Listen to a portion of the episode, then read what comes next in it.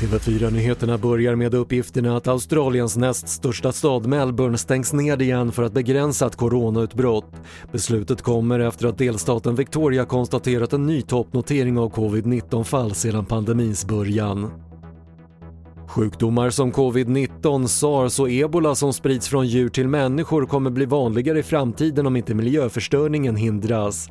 Det skriver FN i en ny rapport och förutom stora ekonomiska konsekvenser menar de att miljontals människoliv hotas.